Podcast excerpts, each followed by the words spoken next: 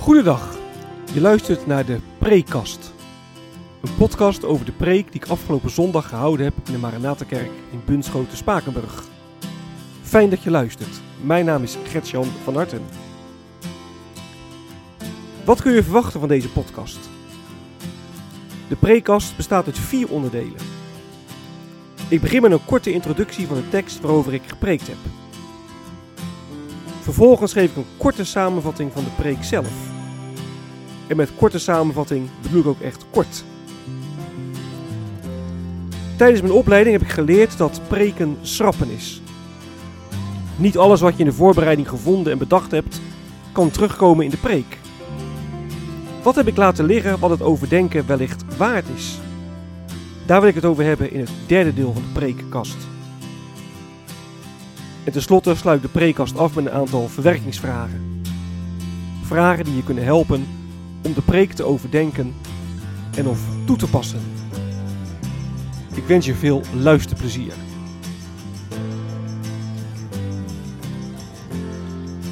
De tekst.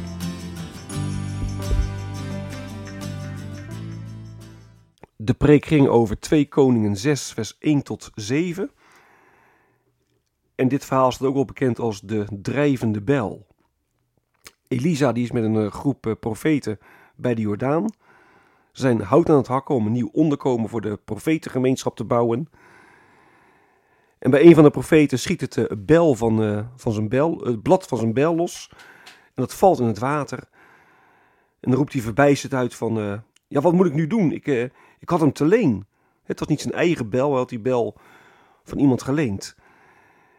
En dan snijdt Elisa een, een, twijg af. Die gooit hij in het water en dan komt het, het ijzeren blad van de bel bovendrijven.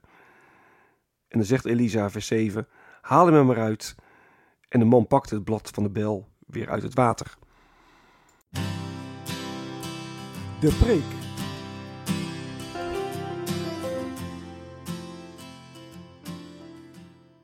Ga maar voor de bel. Dat was het uh, thema van de preek. In de Bijbel staan heel veel wonderverhalen. Het tekstverhaal van, van vandaag is er eentje. Een ijzeren blad van een belt in het water ligt en dat boven komt drijven. Nou, dat is in strijd met alle natuurwetten. Dat, dat kan niet. En toch schrijft de Bijbel dat het wel gebeurt. En het kan voor heel veel mensen ook echt een, een probleem opleveren. Een, een, je kunt zeggen, uh, ga maar voor de bel. Dat was het thema van de preek. In de Bijbel staan heel veel wond, zogenaamde wonderverhalen. Een tekstverhaal van vandaag is, uh, is een van die wonderverhalen. Er zijn er mensen die, die zeggen, ja, ik vind het gewoon heel moeilijk om te geloven, want wat hier beschreven wordt, dat kan gewoon niet. Dat is in strijd met alle natuurwetten. En ik, ik, ik geloof dat gewoon niet. En dan kun je natuurlijk zeggen, ja, je moet, uh, je moet gewoon maar kinderlijk geloven. Als de Bijbel zegt, is het waar. Geloven is geloven en uh, zet je verstand maar op nul. Maar daar help je mensen natuurlijk niet echt mee. Kijk, kunnen echt gewoon een drempel opwerpen om, om te gaan geloven. Niet omdat mensen niet, niet willen geloven, maar omdat ze het gewoon heel moeilijk vinden. En dan is het heel verleidelijk om de preek daarop, uh, uh, in de preek je daarop te focussen en daarmee in, daarbij in te steken. Dat je zegt, nou is dit wonder nu wel of niet echt gebeurd? Heeft het nou wel of niet plaatsgevonden? En dan kun je echt benadrukken van, ja, je moet het geloven, want het staat in de Bijbel. En geloof je het niet, ja, dan is je geloof niet goed. En voor de helderheid, ik heb persoonlijk geen moeite om mee te geloven dat het echt gebeurd is. Hè. God die heeft de, de wereld geschapen. God sprak en het was, zegt de Bijbel. God is zo machtig. Hè, dit wonder is voor hem een, een, koud, een, een klein kunstje. En toch wil ik in de preek niet zeggen, je moet maar gewoon geloven. Want dan help je mensen die, die geloven moeilijk vinden, die help je daar niet mee. Nou, het kan zelfs een, een reden zijn voor mensen om nou, het beltje erbij neer te gooien. Maar ik denk ook dat je tekstverhaal geen recht doet.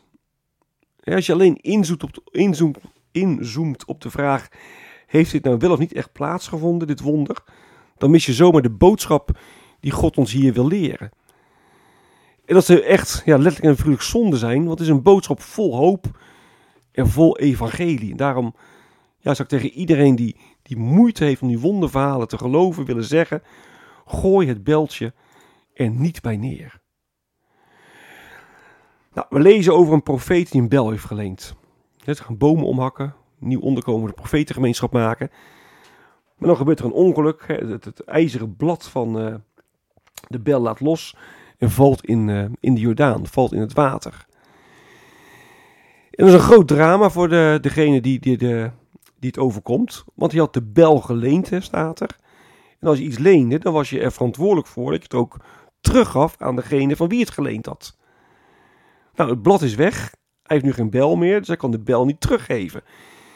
En dat is echt een heel groot probleem. Kijk, ik heb even uh, gegoogeld.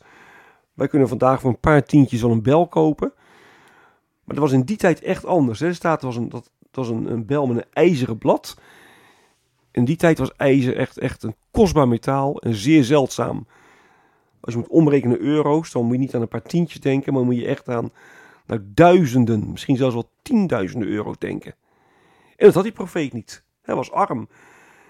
En vandaar ook zo'n wanhoop, hè, dat hij roept, wat nu? Ik had het uh, te leen. En niet alleen zijn bel was in het water gevallen, kun je zeggen, maar zijn hele toekomst. En denk je, hoe kan dat nou? Hè? Die, die man die was uh, lid van die profetengemeenschap, hij wilde de heren dienen. Maar zijn beloning is dat alles in het water valt. Je zou het beltje hebben neergooien. Nou, ik denk dat het een hele belangrijke les is en ook goed is om te realiseren dat God dienen, voor God willen leven, dat dat geen garantie is voor een zorgeloos leven. Er zijn wel welvaartsevangelisten, vooral in Afrika en Amerika, die, nou, die beloven je gouden bergen. Als jij je hart maar aan Jezus geeft, als jij doet wat God vraagt, nou, dan krijg je gezondheid terug, dan krijg je welvaart, dan krijg je, nou, dan zal alles op, op rolletjes eh, lopen in je leven. Dan gaat het je voor de wind. Nou, vergeet het maar. Het is echt een dwaalleer die, die veel kapot uh, maakt. En je kunt je echt in geloof en vertrouwen overgeven aan God. Voor hem willen leven. Net als die profeet. En dan kan toch nog van alles gebeuren. Dan kun je met ziekte, depressies, armoede, werkloosheid en tegenslagen te maken krijgen.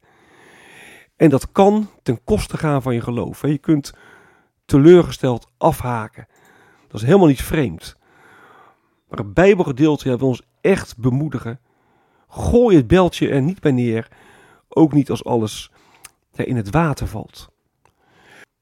Elisa sneed een twijg af en die gooide die twijg in het water. En toen kwam de bel bovendrijven. Nou, die bel die leverde de profeet een schuld op. Hè? Hij moest de bel vergoeden. En daarmee staat die bel symbool ja, voor de schuld van de mens. Ja, dat is het refrein van de, van de Bijbel. Dat de mensen schuldig voor God staan. Schuldig voor God staan omdat ze hem en elkaar uh, tekort doen. En dat is een probleem. Dat ervaren niet altijd zo. Maar Jezus zegt in de bergreden dat wij volmaakt moeten zijn. Volmaakt moeten zijn zoals onze hemelse Vader volmaakt is. En dat zijn wij niet. Hè? God, God is zo heilig, God is zo groot, die kan met, met minder dan volmaaktheid geen genoegen nemen. De heiligheid van God en onze onvolmaaktheid, ja, dat, dat, dat, dat, dat botst met elkaar, dat kan niet samengaan. Nou, het lukt ons niet om volmaakt te zijn. En het refrein van het Oude Testament is: wij kunnen onze schuld niet inlossen. Um, God zelf moet voor, voor redding zorgen. En God doet dat ook. God zorgt hier voor redding. Hij gebruikt Elisa. Zijn naam betekent ook: mijn, naam, mijn God is redding. En die zorgt ervoor dat de profeet de bel terugkrijgt. Op, ja, op grootste wijze. Zelfs de natuurwetten die moeten, die moeten daarvoor wijken. En die twijg, dat hout, dat verwijst naar het kruishout waar Jezus aan stierf. En de kruisdood van Jezus Christus, dat leek een zinloze dood. En net als het zinloos was om, om een stukje, een stukje, een takje in het water te gooien. En daar los je niks mee op. Dat legt, dat legt even gek gezegd geen, geen gewicht in de schaal. Maar de kruisdood van Jezus, die zorgt dat de schuld van de mensen verdwijnt. En die profeet, die, voor die profeet was alles in het water gevallen. Aan de schuld die hij onmogelijk kon inlossen. Nou, dat staat symbool voor, voor de mens zonder Jezus Christus.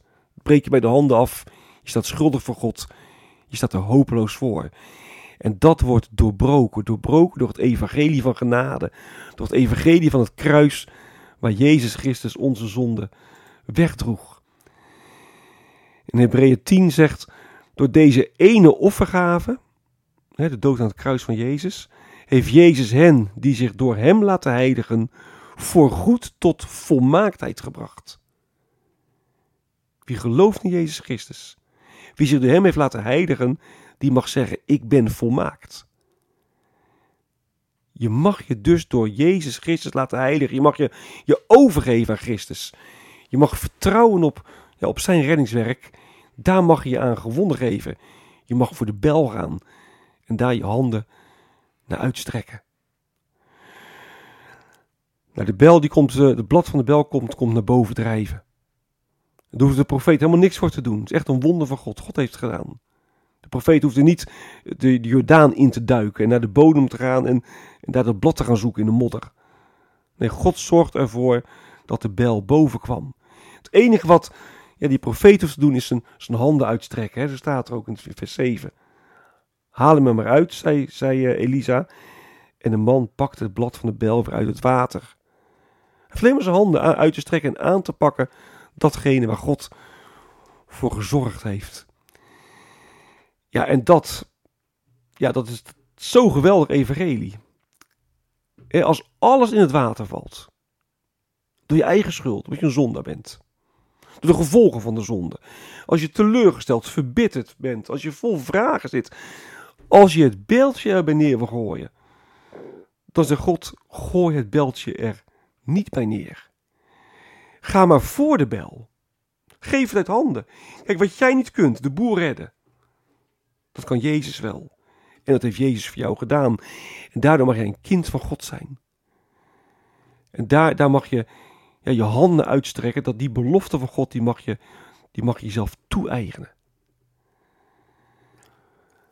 Als je dat doet, als je vastklampt aan Gods belofte, ja, dan zal ook je kracht geven. Dan zal hij laten merken dat hij, hij bij is. Dan strek je hand daar maar naar uit, naar dat evangelie, naar, naar Jezus Christus en zijn belofte. En ik wilde dat ik kon zeggen hoe je dat deed. Want ik kan zeggen, ga maar voor de bel, geef je me over aan God, maar hoe doe je dat dan? ik zie in het pastoraat, ik zie op categorisatie dat dat echt een worsteling kan zijn. Dat mensen zeggen, ik wil dat echt wel, ik wil me echt wel overgeven aan God, ik wil voor de bel gaan, maar, maar hoe doe ik dat dan? Ja, er is geen trucje voor. Er is geloof voor nodig, dat de geest moet geven. Bid daarom ook echt of de geest je geloof wil geven. Geloof om je, om je over te geven. En, en kijk naar de genade van God. Kijk naar de, de liefde die je ziet in het leven en sterven van Jezus Christus. En als je dat doet, ja, dan, dan zul je ervaren dat, dat God een God is die je genade geeft. Die met zijn geest in aan de slag gaat. Die je, die je verder brengt in het leven met hem. En ik weet er ook in, uh, in onze gemeente veel mensen zijn die dat ervaren hebben. die zorgen hadden, moeite, verdriet. Maar zich daarin echt gedragen voelden door God. Omdat ze zich echt aan hem hadden overgegeven. Maar ik weet ook dat er mensen zijn die dat niet ervaren hebben. Terwijl ze het wel heel erg zouden willen. Nou, misschien geldt het ook wel voor jou. En dan zou ik nog één keer willen zeggen: alsjeblieft, in Gods naam, ga voor de bel. Gooi het beltje er niet bij neer. Ook niet zoals het in het water valt. Want het kruishout brengt redding. Strek je hand daar maar naar uit. Geef je aan over. Ga maar voor de bel.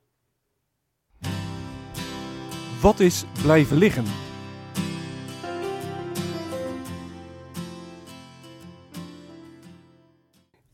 Ik heb in de preek niks gezegd over de profetengemeenschap. We weten vanuit uh, eh, 2 Koningen 2 dat er een profetengemeenschap in Bethel was en in Jericho. En vanuit 2 Koningen 4 weten we dat er ook nog een profetengemeenschap in Gilgal was. Maar wat moet je nou voorstellen bij zo'n profetengemeenschap? En ja, welke functie hadden ze? Was dat een school? Was dat een, hadden die een regionale functie? Wat, ja, wat, wat deed zo'n profetengemeenschap? Volgde die alleen onderwijs of trokken die ook het land in om nou, te vertellen over God? Wat is nou de rol van de profetengemeenschap? En het tweede wat ik wil noemen heeft te maken met uh, de vraag: hoe kwam dat ijzer nou naar boven? Er staat in de nieuwe Bijbelvertaling vertaling dat Elisa een twijg afsneed en die in het water gooide. De herziende staatvertaling en ook de vertaling van 1951 zeggen dat hij een stuk hout in het water gooide. En beide vertalingen, daar, daar valt het voor te zeggen. Je kunt op beide manieren vertalen. Maar een aantal commentaren zeggen hij gooide echt een, een, een zwaar stuk hout in het water. Waardoor er zulke krachtige golven kwamen dat, dat het blad boven kon drijven. Nou, ik las ook in andere commentaren dat, dat Elisa een, geen, geen stuk hout in het water gooide, maar dat hij een stok van hout maakte. Een stok die precies uh, in het oog van, van het blad paste. En dat hij het, uh, de, de, stok niet in het water gooide, maar in het water stak. En dat hij op die manier als het ware het blad boven hengelde. Nou, ik heb daar niks over gezegd in de preek, omdat ik uh, zelf eigenlijk daar niet zoveel van geloof. Ik heb daar wel bedenkingen tegen. Er blijft op die manier ook helemaal niks van van het wonder over. En wat misschien wel erger is, daarmee blijft er ook helemaal niks van, van de boodschap over. Maar in commentaren wordt hier ook dus wel het een en ander over, over gezegd. Verwerkingsvragen.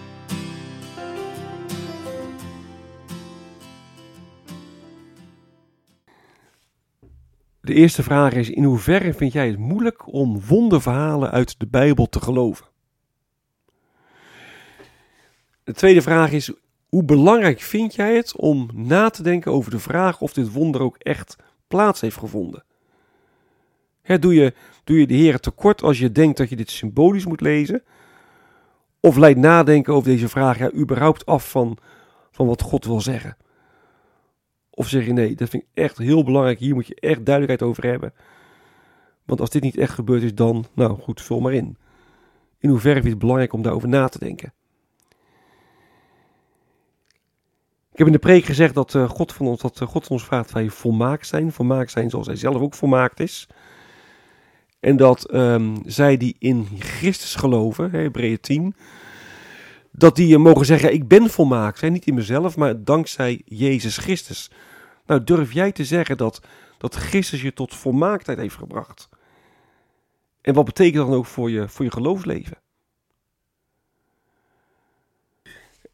En de laatste vraag is, um, het thema van de preek was, uh, ga maar voor de bel. geef je me over. Nou, wil je dat? Wil je overgeven aan de belofte van, van het evangelie? Wil je overgeven aan Jezus Christus?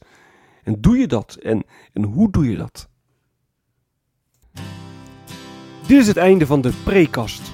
Mocht je vragen of opmerkingen hebben, dan kun je me mailen op mailadres van hartengretjan.gmail.com van hartengretjan.gmail.com. Ik wens je nog een hele prettige dag. Hartelijk dank voor het luisteren. En wie weet, tot een volgende keer.